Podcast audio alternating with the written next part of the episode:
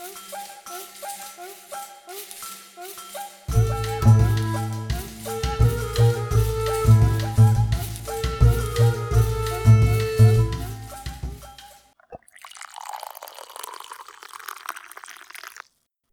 Kawa zalana, zaczynamy. Dzień dobry Państwu, Paweł Mirowski i to jest podcast Humanista przy kawie. Udało w końcu mi się e, zaprosić do rozmowy członka katedry naukowej, czyli pracownika naukowego, pracownicę. Właściwie moim i Państwa gościem jest doktor Ewa Augustyniak. Dzień dobry Pani doktor. Dzień dobry, witam serdecznie. Mówię to tak, ponieważ poprzednie dwa odcinki były związane ze studentami, a szczególnie ostatni odcinek, ponieważ rozmawiałem z Krzysztofem Olszamowskim, studentem kulturoznawstwa, który opowiadał właśnie o wernisażu. A dzisiaj właśnie rozmawiamy z osobą, która jest odpowiedzialna za opieką nad tymi studentami w trakcie organizowania tego wernisażu, ponieważ pani doktor prowadzi właśnie kurs z organizacji wydarzeń kulturalnych dla pierwszego stopnia. Od jak dawna pani doktor to już trwa, te wernisaże fotograficzne? Zajęcia prowadzę już naprawdę kilka dobrych lat, natomiast y, ten pomysł na wernisaże pojawił mi się jakieś 8 lat temu. Pomyślałam sobie, rozmawiałam ze studentami i oni zawsze mówili, że chcieliby y, mieć tą teorię, której uczymy, przełożoną na praktykę, że te zajęcia praktyczne, w których oni rzeczywiście zdobywają takie konkretne doświadczenie i widzą, jak ta teoria sprawdza się w rzeczywistości, że takie zajęcia bardzo są lubiane i potrzebne też, zwłaszcza później w ich dalszej pracy, oni mają już takie naprawdę konkretne doświadczenie.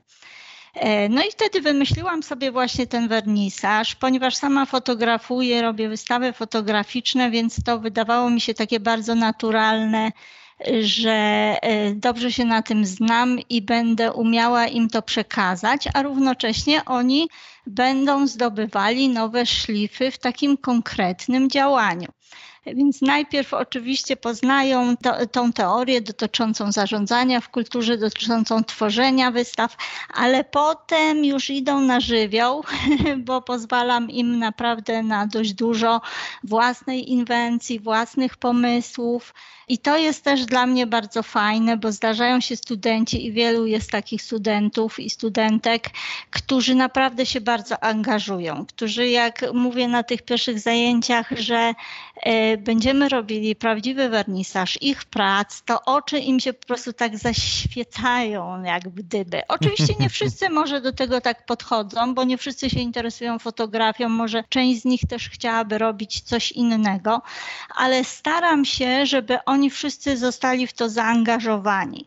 I y, tworzę tam wiele grup różnych, w których osoby, które na przykład mają jakieś zdolności plastyczne, mogą się wykazać i stworzyć plakat tego wydarzenia albo stworzyć katalog albo tworzy się też grupa taka, która jest związana z nowymi mediami i to są te osoby, które bardzo lubią działać w internecie, zakładają e, Twittera, Facebooka, Instagram i co tam jeszcze mogą innego.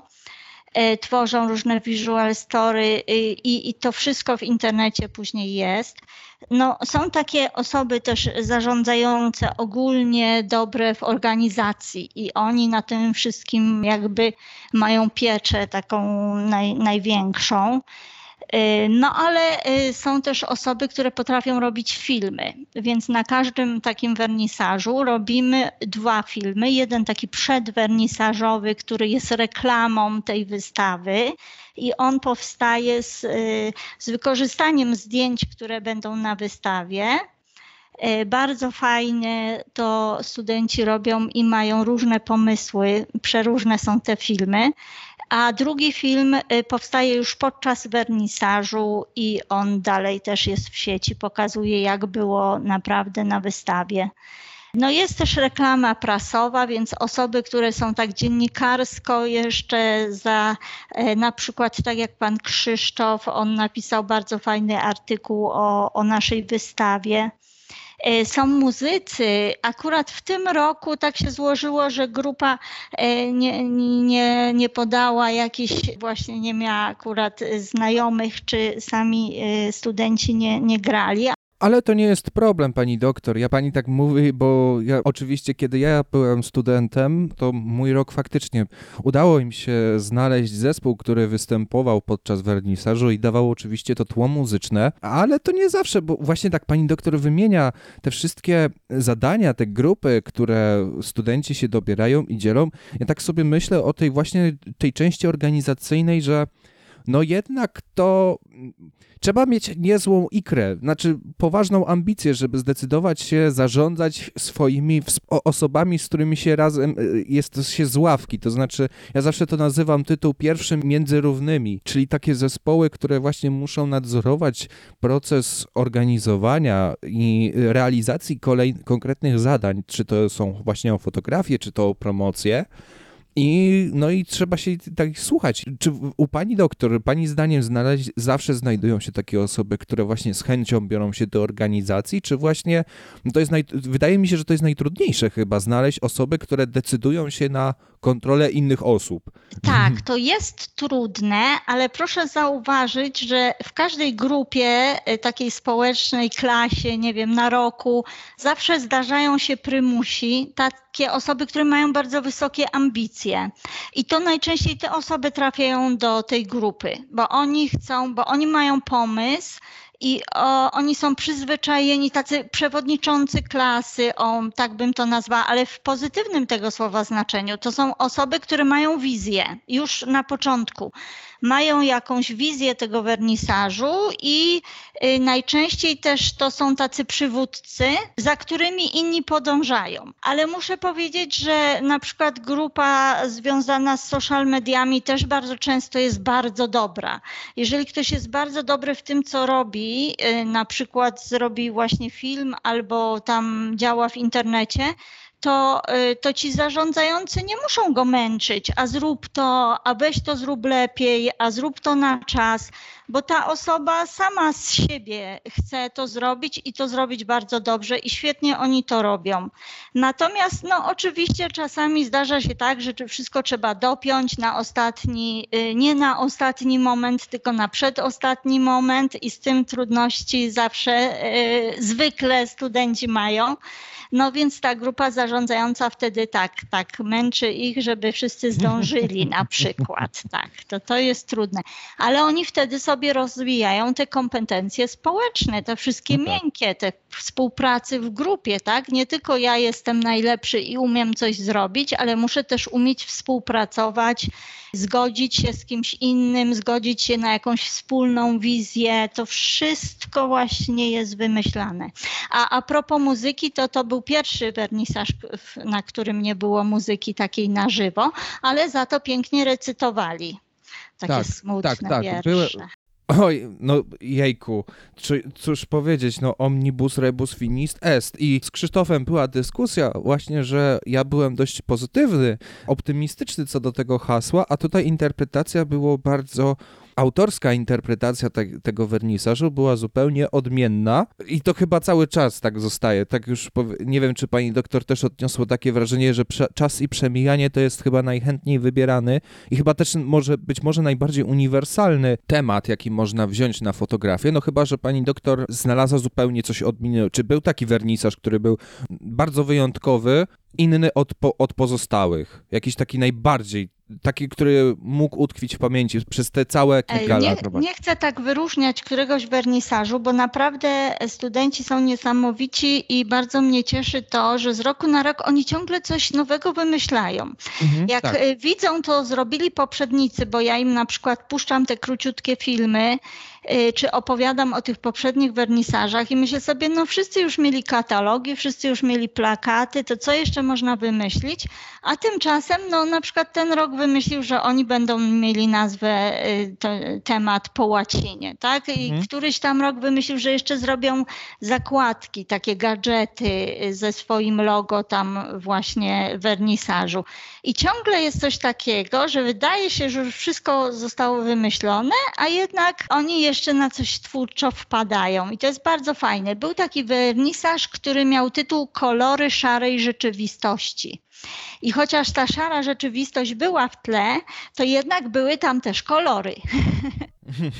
No, nazwa adekwatna i bardzo trafna. Natomiast no, studenci sami wymyślają tą nazwę. Ja im tylko podpowiadam, że musi być to taka, tak szeroka nazwa, żeby jeżeli ktoś lubi robić portrety, a inna studentka lubi robić, nie wiem, martwą naturę, a ktoś inny architekturę, a ktoś inny fotografię taką socjologiczną, to żeby cała ta wystawa była pojemna na tyle, żeby oni wszyscy mogli dać swoje zdjęcia, to co ich interesuje, żeby nie zostali zmuszeni do jakiegoś tematu.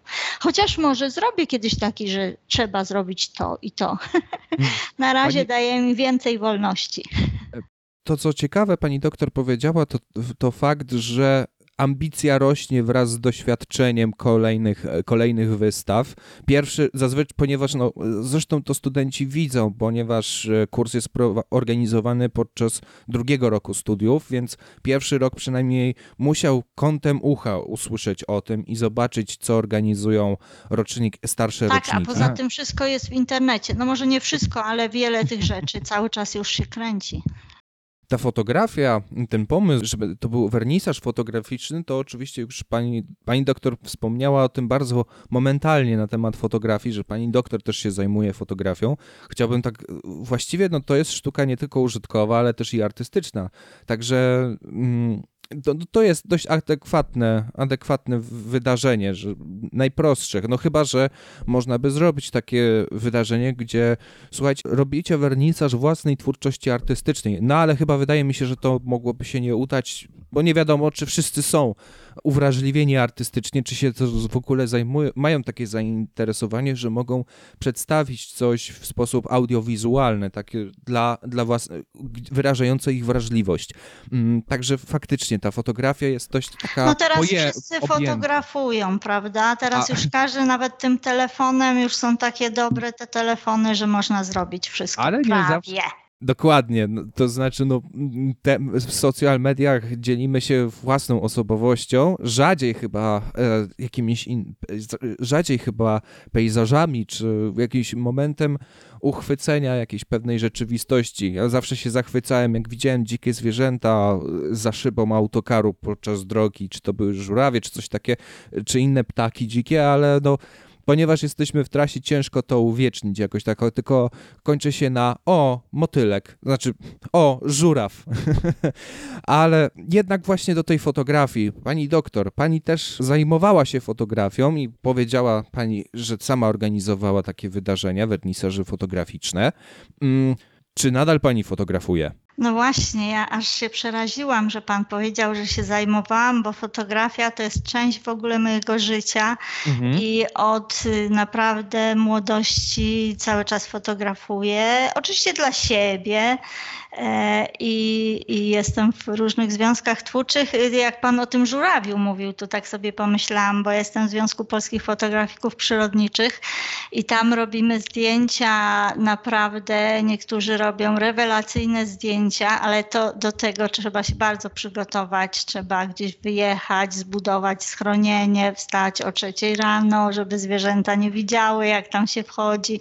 Mam takich znajomych, mam też znajomych, którzy hodują motyle jakieś takie z całego świata w, w terrariach, tam trzymają jakieś jajeczka, poczwarki, później im się to wylęga i robią zdjęcia, a później mówimy, że to są zdjęcia zwierząt futerkowych, bo motyl z bliska w takiej makrofotografii to wygląda jak zwierzę futerkowe. A, Też y, byliśmy y, ze związkiem, y, jak powstawał Magórski Park Narodowy, to poprosili nas o zrobienie takich zdjęć właśnie, takich, takich pierwszych zdjęć, które miały y, reklamować ten park, bo oni za dużo nie mieli, bo to był taki nowy park.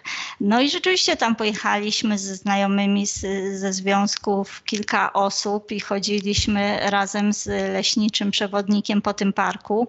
I jak się pytaliśmy go, y, gdzie pójdziemy dzisiaj, to on mówi tak, dzisiaj przewidziałem taką wycieczkę na dwie godziny, ale z wami to zajmie ze sześć godzin będzie, bo już was znam, bo każdy co chwilę stawał przy jakiejś roślince albo jakimś wodospadzie, strumyczku, drzewie, zwierzaku i fotografował, a ponieważ każdy się interesował czymś innym, no to właśnie te wycieczki tak trwały po kilka godzin. Czyli pani doktor preferuje właśnie naturę e, fotografować? E, nie, nie, nie. To jest tylko jedno z. Jestem też w Fotoklubie Rzeczypospolitej Polskiej Stowarzyszenie Twórców, tak się nazywa ten związek. I tam robimy już różne zdjęcia. A przyrodą się interesuję w ogóle, więc robię też zdjęcia przyrody, ale nie mam tyle czasu właśnie, żeby tak się zaczaić na jakieś dzikie zwierzę. No, robię zdjęcia wszystkiemu, co mnie otacza, tak bym powiedziała. Zaczynałam od architektury, bo to się wydaje takie najprostsze. Budynki stoją, się nie ruszają. Teraz lubię naprawdę, chyba najbardziej lubię robić portrety ludziom. W twarzy człowieka jest po prostu tak dużo zawarte emocji, jego życia, jego doświadczenia, że to lubię bardzo pokazywać na fotografii. A ponieważ jeżdżę po całym świecie, no to widzę przeróżnych ludzi, przeróżnie ubranych, z różnych kultur i to jest po prostu fascynujące. I pani, I pani tak e, ma jakby specjalne sesje dla takich ludzi po całym świecie, czy po prostu zaczepia pani, przepraszam, czy mogę zrobić pani fotograf, panu, pani fotografię i uwiecznić panią, ja się podzielę tymi zdjęciami. Tak, tak, tak zaczepiam, tak, tak zaczepiam. Bardzo często pytam, ponieważ no fajnie jest wejść w taką relację z tą osobą, która jest fotografowana i najbardziej pomaga uśmiech. Bo no wszyscy tak. mi się pytają, jak to jest, y, że ja właśnie robię y, tym ludziom zdjęcia i oni się zgadzają. Nie wszędzie, bo oczywiście na świecie są takie miejsca, gdzie w Afryce często, w tych dzikich krajach, gdzie uważa się, że E, jeżeli ktoś zostanie sfotografowany, to skradnie się jego duszę. I wtedy nigdy nie robię zdjęć, ponieważ wiem, że to jest sprzeczne z jakimś wewnętrznym odczuciem czy, czy religią tych, tych ludzi. Ale pierwszą wystawę, którą zrobiłam, i to były zdjęcia kolorowe w 1992 roku, to było naprawdę strasznie dawno temu i mało kto robił wtedy wystawy ze zdjęciami kolorowymi, to były subkultury londyńskiej ulicy kiedy U. byłam w Londynie. Pojechałam tylko po to, żeby zarobić sobie na aparat fotograficzny dobry. I kupiłam ten aparat. Y, inna sprawa, że, że mój kolega, który tam był i tak spotkał mnie i mówi, a patrz, pracowałem pół roku i kupiłem sobie stary samochód i pokazuje ten duży samochód. A ja mówię tak, patrz, ja pracowałam pół roku i zarobiłam sobie świetny aparat fotograficzny. Pokazałam taki mały aparat fotograficzny. No, ale to były subkultury londyńskiej ulicy i to byli właśnie tacy kolorowi punkowie e, z różowymi włosami, zielonymi, jakimiś warkoczykami. I to, jak pokazałam w naszej prawie socjalistycznej Polsce, to, to był naprawdę wtedy szok. Także... Czasa Jarocina, tak, oczywiście wspomnienia dawnego Jarocina. Mam nadzieję, że w tym momencie nasi słuchacze, na, przynajmniej ci, którzy słuchają na YouTubie, będą E, zobaczą kilka tych zdjęć, które pani doktor zrobiła, wykonała, żeby poczuć właśnie wrażliwość pani doktor, co dokładnie, co dokładnie uwiecznia. E, świetnie. Natomiast świetnie, czyli pani doktor nie jest do końca pewna, co, co wybierze. Zdaje się na panią doktor. No tak, bo mam kilkanaście wystaw, więc przez te o. lata w sumie 30... A kiedy była ostatnia pani wystawa? Ostatnia pod powierzchnią była w 2019. O. 2019 roku. Teraz planuję oczywiście następny, tylko że jak jest pandemia, to tak trudno powiedzieć, y, kto przyjdzie, a w internecie nie chce.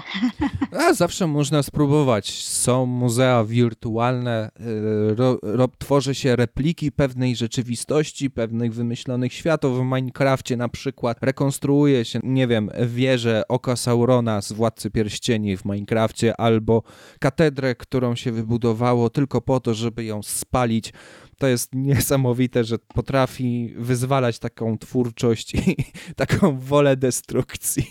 Fotograf fotografia to jest oczywiście jedno z pani doktor zainteresowań, ale tak jak już pani powiedziała, cały czas aktywne. To nie jest takie, gdzie jest się kurzy, aparat się nie kurzy ja zachęcam właściwie panią doktor. Myślę, że to byłby taka propozycja, czy studenci by się zgodzili, żeby pani mogła zostawić własną fotografię podczas wernisaży i podpisane właśnie, że to jest pośród właśnie zdjęć studentów jeszcze zdjęcie pani doktor. Ciekawy byłby to pomysł.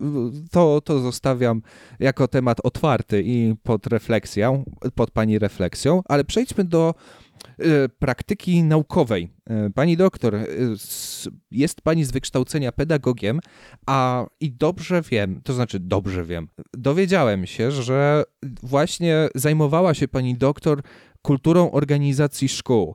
No, na dzisiejsze czasy polityczne jest to specyficzny temat, na, natomiast no, jest pani publikacja i była pani aktywna naukowo pod tym względem i to było czasy sprzed prawie 11 lat. To było to aż tak późno trzeba było zajmować się organizacją szkół, że to no niestety tak wyszło, że dopiero w tych latach to były takie początki. Nie wiem, czy pan dobrze kojarzy, co to jest kultura organizacyjna, bo to nie Słucham, chodzi o. Słucham uważnie. Dokła- Bo to nie chodzi, tak, tak, to nie chodzi o organizację w szkole, czy zorganizowanie szkoły. To jest Mhm. zupełnie coś innego. Jak pracowałam jeszcze na UJ-cie, to poznałam wykładowców z zachodu i dla nich ta kultura organizacyjna to było coś oczywistego, czego w Polsce, w Polsce się w ogóle o tym nie mówiło. W ogóle były może dwie książki, czy właściwie półtorej książki, tak bym to powiedziała które mówiły o kulturze organizacyjnej, bardziej przedsiębiorstw, też, jeżeli już, ale szkół to już no, zupełnie. Mm, No to można by tak, no dobra, zacznijmy od takiej definicji Edgara Scheina. Ona jest bardzo taka przyjazna definicja, która mówi, że kultura organizacyjna to jest całość, całość takich fundamentalnych naprawdę założeń, które dana grupa, na przykład szkoła, sobie wymyśliła albo odkryła, albo stworzyła sama, po, kiedy uczyła się rozwiązywania problemów rozwiązywania problemów takich adaptacji do środowiska albo adaptacji takiej wewnętrznej integracji. I teraz tak, oni stworzyli pewne takie założenia i te założenia zostały na tyle potwierdzone w praktyce, że właściwie wpaja je się później każdemu członkowi organizacji. Jako, to, to jest jako właściwy sposób myślenia, a za, co za tym idzie właściwy sposób działania. I naprawdę kultura organizacyjna, powiedziałabym, składa się z trzech takich części. Jedne to są te podstawowe założenia kulturowe, coś bardzo ogólnego. Na przykład stosunek do studentów, jeżeli chodzi o szkołę wyższą, czy do uczniów, jeżeli chodzi o te szkoły niższe. Stosunek do otoczenia. Potem z tego wypływają to już były tylko takie przykłady, ale z, tego, z, tych, z tych założeń kulturowych bardzo ogólnych wypływają pewne normy i wartości, które dana szkoła przekazuje. I te wartości, tak się wydaje, że to wszystkie szkoły mają takie same, ale to wcale nie musi tak być. Natomiast z tych wartości i z tych norm wy, wynikają już bardzo konkretne artefakty, takie, które widzimy, które naprawdę tak doświadczamy osobiście. Czyli na przykład, jak szkoła wygląda. No, no, przyjmijmy nawet, jaki jest budynek. W pedagogice są szkoły, w które muszą się mieścić w specjalnym budynku, specjalnie do tego zaprogramowanym, wymyślonym, który spełnia określone funkcje. No my w Polsce nie mamy takich szkół, ra, raczej każdy się stara, żeby szkoła była e, w fajnym budynku, ale to wszystko jest takie dość ogólne. No ale do, tej, do tych artefaktów fizycznych należy też logo szkoły, ubiór szkoły, to to najczęściej prywatne szkoły bardzo y, za tym stoją i to rozwijają. Ale są też artefakty językowe, czyli całe historie opowiadane w szkole, jakieś legendy o dawnym, nie wiem, dyrektorze albo nauczycielu, albo matematyku. Najczęściej najwięcej legend jest o matematykach, bo są, y, bo matematyka wydaje się uczniom taka trudna i po prostu matematycy nie są lubiani, chociaż naprawdę są świetni niektórzy. No więc są te historie, są legendy o, o woźnych, jeszcze bardzo dużo jest legend, bo woźny w szkole jest bardzo ważną osobą. Nie wiem, czy jeszcze istnieje taka funkcja. No i są też y, takie artefakty behawioralne, przeróżne rytuały i ceremonie. I te ceremonie, no to znamy na pewno rozpoczęcie roku, zakończenie roku, prawda? Ale jest też święto wiosny. Niektóre szkoły z całym takim podtekstem filozoficznym y, mają przeróżne rytuały z tym związane, czyli po prostu zwyczajne jakieś y, ważne wydarzenia, szkoły sportowe, no, e, często Boże Narodzenie, Wielkanoc jako takie e, święta też. No, są też artefakty dotyczące uczuć, czyli to, w jaki sposób y, nauczyciel czy uczniowie czują się w szkole bezpieczni, czy jest tam równouprawnienie. I no i same takie dotyczące artefakty dotyczące procesu pracy, czyli na przykład planowanie, wybór y, pracowników, y, przeróżne regulacje. I teraz, jeżeli mamy tyle tych elementów, to e, mnie zawsze fascynowało to, że szkoły y, potrafią być różne, potrafią zwracać uwagę na te elementy. Ja się wychowałam jeszcze w socjalizmie, tam wszystko było takie wyrównane ale teraz y, naprawdę y, potrafi, bo to zależy też od dyrektora szkoły, od tego przywódcy w bardzo dużej mierze, czy on stworzy taką Y, kulturę organizacyjną, która będzie taka opiekująca się na przykład pracownikami, czy to będzie taka kultura organizacyjna, która jest bardzo zadaniowa i nastawiona na y, osiąganie pewnie, e, pewnych określonych y, zasad. Są kultury organizacyjne, które są pozytywne i wpływają na rozwój danej organizacji i tego byśmy zawsze chcieli, ale są też e, kultury organizacyjne, które są negatywne i potrafią no, jakieś niefajne rzeczy tutaj wyciągać. Oczywiście są kultury silne, gdzie widać, że, y, że szkoła bardzo mocno zdąża w określonym kierunku i takie kultury słabe, jak ta, nie wiem, flaga na wietrze, raz tą, raz tamtą. Bardzo dużo tutaj zależy rzeczywiście od dyrektora szkoły, od zestawu nauczycieli, od tego, czy oni wszyscy są mocno zmotywowani, jakie wartości wyznają, taka jest później ta szkoła. Takie badania często prowadziłam. Mm, tutaj właśnie dużo mi się skojarzyło z taką badaniem etnograficznym i badaniem folkloru takiej szkoły. Mm, tutaj często, stąd takie moje skojarzenie, że mm, właśnie ta organizacja przy że obok tej właśnie tej organizacji jest jakby taka, to jest enklawa, to jest e, kultur, pewna specyficzna oso, osobliwość kulturowa, w której są odmien, zupełnie odmienne relacje i właśnie no najczęściej w tej takiej organizacji widać ten podział na uczniów i nauczycieli. E, jest to, to znaczy no, nie tylko ze względu na wiek, czy na doświadczenie, czy na pełnione funkcje, mm, ale czy jest mm, jak można mówić o przestrzeni tej relacyjnej między uczniami a nauczycielami? E, czy wtedy, kiedy pani doktor się e, zajmowała tym przedmiotem, czy pojawiło się coś odmiennego od dotychczasowych standardów szkoły, że nauczyciel jest tylko osobą, która mówi, uczy i nakazuje to, co mają uczniowie się nauczyć? No tu to byśmy weszli bardziej w rozwój pedagogiki, powiedziałabym, niż Aha. samej kultury organizacyjnej, ale oczywiście kultura organizacyjna szkoły mówi też o tym, jaka pedagogika w tej szkole będzie rozwijana. Na pewno mhm. tak. Natomiast taka pedagogika, o której Pan mówi, to w ogóle jest tak przestarzałe i ja to tak często słyszę, że, że, że zapomnijmy o czymś takim, że nauczyciel stoi i robi wykład dla studentów, na przykład mówię o szkole wyższej teraz, y, i oni wszyscy grzecznie siedzą i słuchają, notują i koniec. To w ogóle takich wykładów już nie powinno być. Są wykłady konwersatoryjne, w których się rozmawia ze studentami, w których oni mają coś do powiedzenia. Y, taka szkoła herbartowska to było kilkaset lat temu, jak y, wychodził nauczyciel z takim pełnym autorytetem, ale ja nie mówię, że teraz nauczyciel nie ma autorytetu, ale mhm. E, z takim, że był prawie Bogiem i mówił to, co on powiedział, to każdy musiał tymi samymi słowami przedstawić i absolutnie nie mógł tego ani podważyć, ani zanegować, ani w ogóle nic z Mhm. tym nie mógł zrobić, tylko mógł powtórzyć.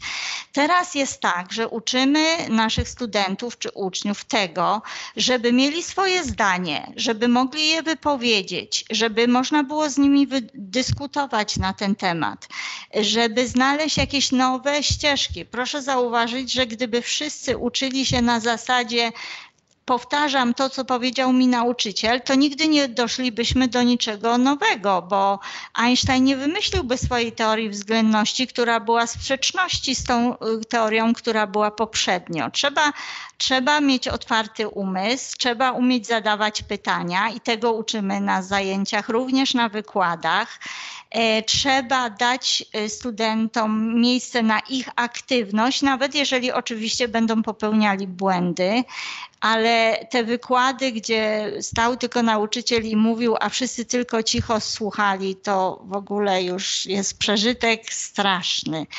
E, Muszą, e, no uczymy się dużo więcej, jeżeli jesteśmy aktywni, jeżeli działamy, jeżeli są właśnie ćwiczenia czy warsztaty, to jest wszystko potrzebne, bo samo tylko słuchanie bardzo mało w głowach wtedy zostaje. Proszę zwrócić uwagę, te stożek Dale i te wszystkie rzeczy, które nam mówią, że 5% z wykładu zapamiętujemy, a jeżeli coś aktywnie robimy, nawet jeżeli aktywnie uczestniczymy w wykładzie, to już dużo więcej zapamiętujemy niż jeżeli tylko siedzimy i słuchamy. Także to pedagogika współczesna jest już zupełnie inna od tej, którą znamy i którą niestety nasze szkoły cały czas jeszcze niestety tworzą.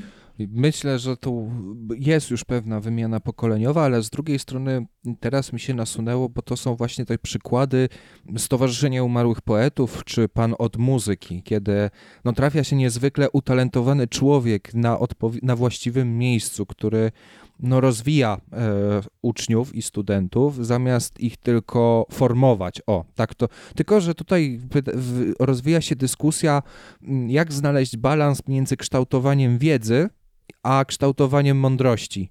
Mm, Bo to, to są chyba dwie różne rzeczy, gdzie wydaje mi się, że nadal potrzebna jest pewien, pewien standard, a przynajmniej minimum wiedzy, tak żeby przy- można było być obecnym w całej rzeczywistości i rozpoznać, ale właśnie, żeby mieć właściwy osąd, y, odpowiedni dla siebie samego i także poznając wszelkie różne aspekty niektórych zagadnień.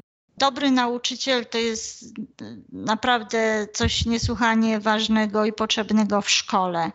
E, Ale to I jest każdy taki z nas autorytet. Tak, każdy z nas trafił na takich dobrych nauczycieli. Było też gro jakichś tam średnich czy wręcz złych, ale, ale myślę, że każdy z nas w życiu trafił na takiego człowieka z pasją, który lubi to, co robi, czyli nauczanie, i to wtedy widać i wtedy lepiej się uczy od takiego nauczyciela. Ciekawe, czy jeszcze w e, współczesnym folklorze właśnie językowym uczniów jeszcze pada słowo belfer. To tak, e, to tak, to tak na marginesie.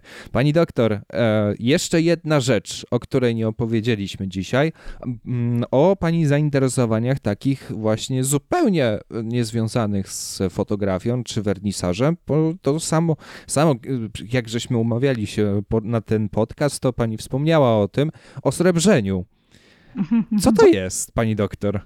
E, Tak, srebrzenie to jest taka moja własna nazwa, ale właściwie to jest praca ze srebrem, czyli właściwie taki rodzaj jubilerstwa.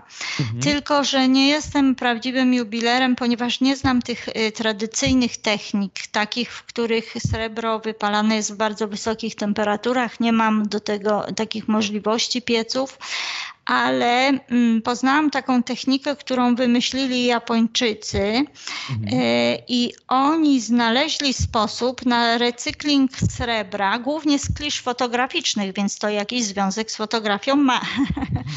E, Wykorzystują e, właśnie takie srebro z klisz fotograficznych i tworzą z niego masę taką, e, którą można malować, a potem wypalać, ale już w takich temperaturach, które dla mnie są możliwe do osiągnięcia, albo taką plastelinkę, którą też się wypala. I można I to jest taka zabawa, takie hobby w tworzenie własnej biżuterii, która jest ze srebra, z tego srebra najwyższej jakości, czyli takiej próby 999, bo my najczęściej w pierścionkach mamy taką próbę 925, tam są jeszcze do, dodatki innych metali, żeby to było twarde. Moje srebro jest takie bardziej srebrne, czy, ale w związku z tym jest trochę bardziej miękkie. I, e, no i robię sobie takie różne, jakby to powiedzieć, kwiatki albo wymyślone. No kiedyś e, posrebrzyłam szypułkę od truskawki, patrz twórcze myślenie. I ta szypułka od truskawki wygląda teraz jak kwiatek. Albo motyle też mo mogę, ale nie zabijam tych motyli, od razu powiem, znajduję na działce już takie nieżywe. Jak się takiego motyla wysrebrzy, to później można go nosić latami. Słowo srebrzenie kojarzyło mi się z Midasem, ale to jest zbyt. ale to jest zupełnie właśnie bardzo negatywna historia o Midasie, o pozłacaniu. Tutaj pani doktor mówi o srebrzeniu i mm, to jest, i pani doktor y, tworzy to dla siebie, ale czy gdzieś można to zobaczyć? Czy korzysta pani z tego, co posrebrzyła? Czy to jest jakoś upom... czy to jest w, własna kolekcja osobista, czy też można zobaczyć e, coś srebrnego e, w Nie, raczej, raczej na mnie można zobaczyć, Aha. tylko no, kiedyś była taka wystawa hobby pracowników AGH, w której wzięłam udział i wtedy w gablotce pokazałam te swoje prace i rzeczywiście one wzbudziły taki entuzjazm. Później czasami osoby przychodziły do mnie i się pytały, czy mogę im zrobić coś takiego specjalnego ale nie, nie. No może jak uzbieram więcej, to zrobię wystawę, ale jeszcze nie robiłam takiej wystawy sreber. A co jest takiego w srebrze w ogóle?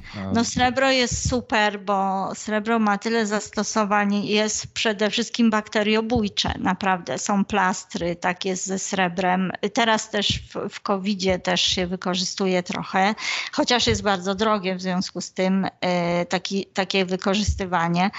E, no myślę, że srebro na należy, jest fascynujące. Mogę też zrobić w złocie te rzeczy, tylko na razie mnie nie stać, bo to jest dużo drożej, ale ta ta firma oczywiście robi też takie, takie półprodukty do, do złocenia.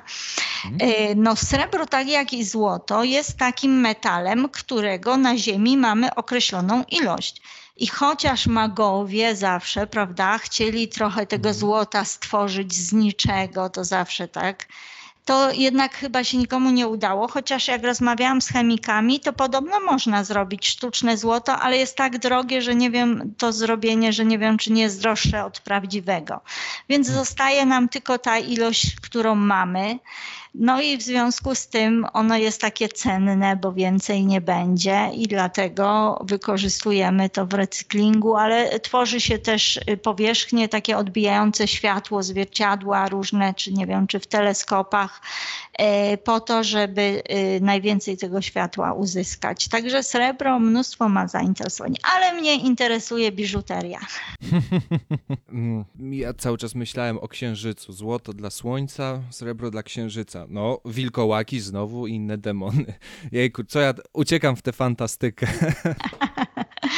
No każdy robi to, co lubi. Mnie fascynuje przyroda i w fotografii, ale też y, taka po prostu w naturze. Jak widzę, jak pięknie wygląda na przykład taki liść na drzewie, a ten liść na drzewie jest powielany na tym drzewie setki i tysiące razy, ale sam jeden taki liść jest piękny, no to ja go wtedy srebrzę i mam go tak na dłużej. Hmm. Liście ze srebra, srebrne drzewo. Gdzieś już to słyszałem. E, kawa, kawa wypita, będziemy kończyć. Pani doktor, serdecznie dziękuję za tę rozmowę na temat wernisażu fotograficznego studentów, na temat fotografii, o, organiza- o kulturze organizacji szkół oraz o srebrze i srebrzeniu.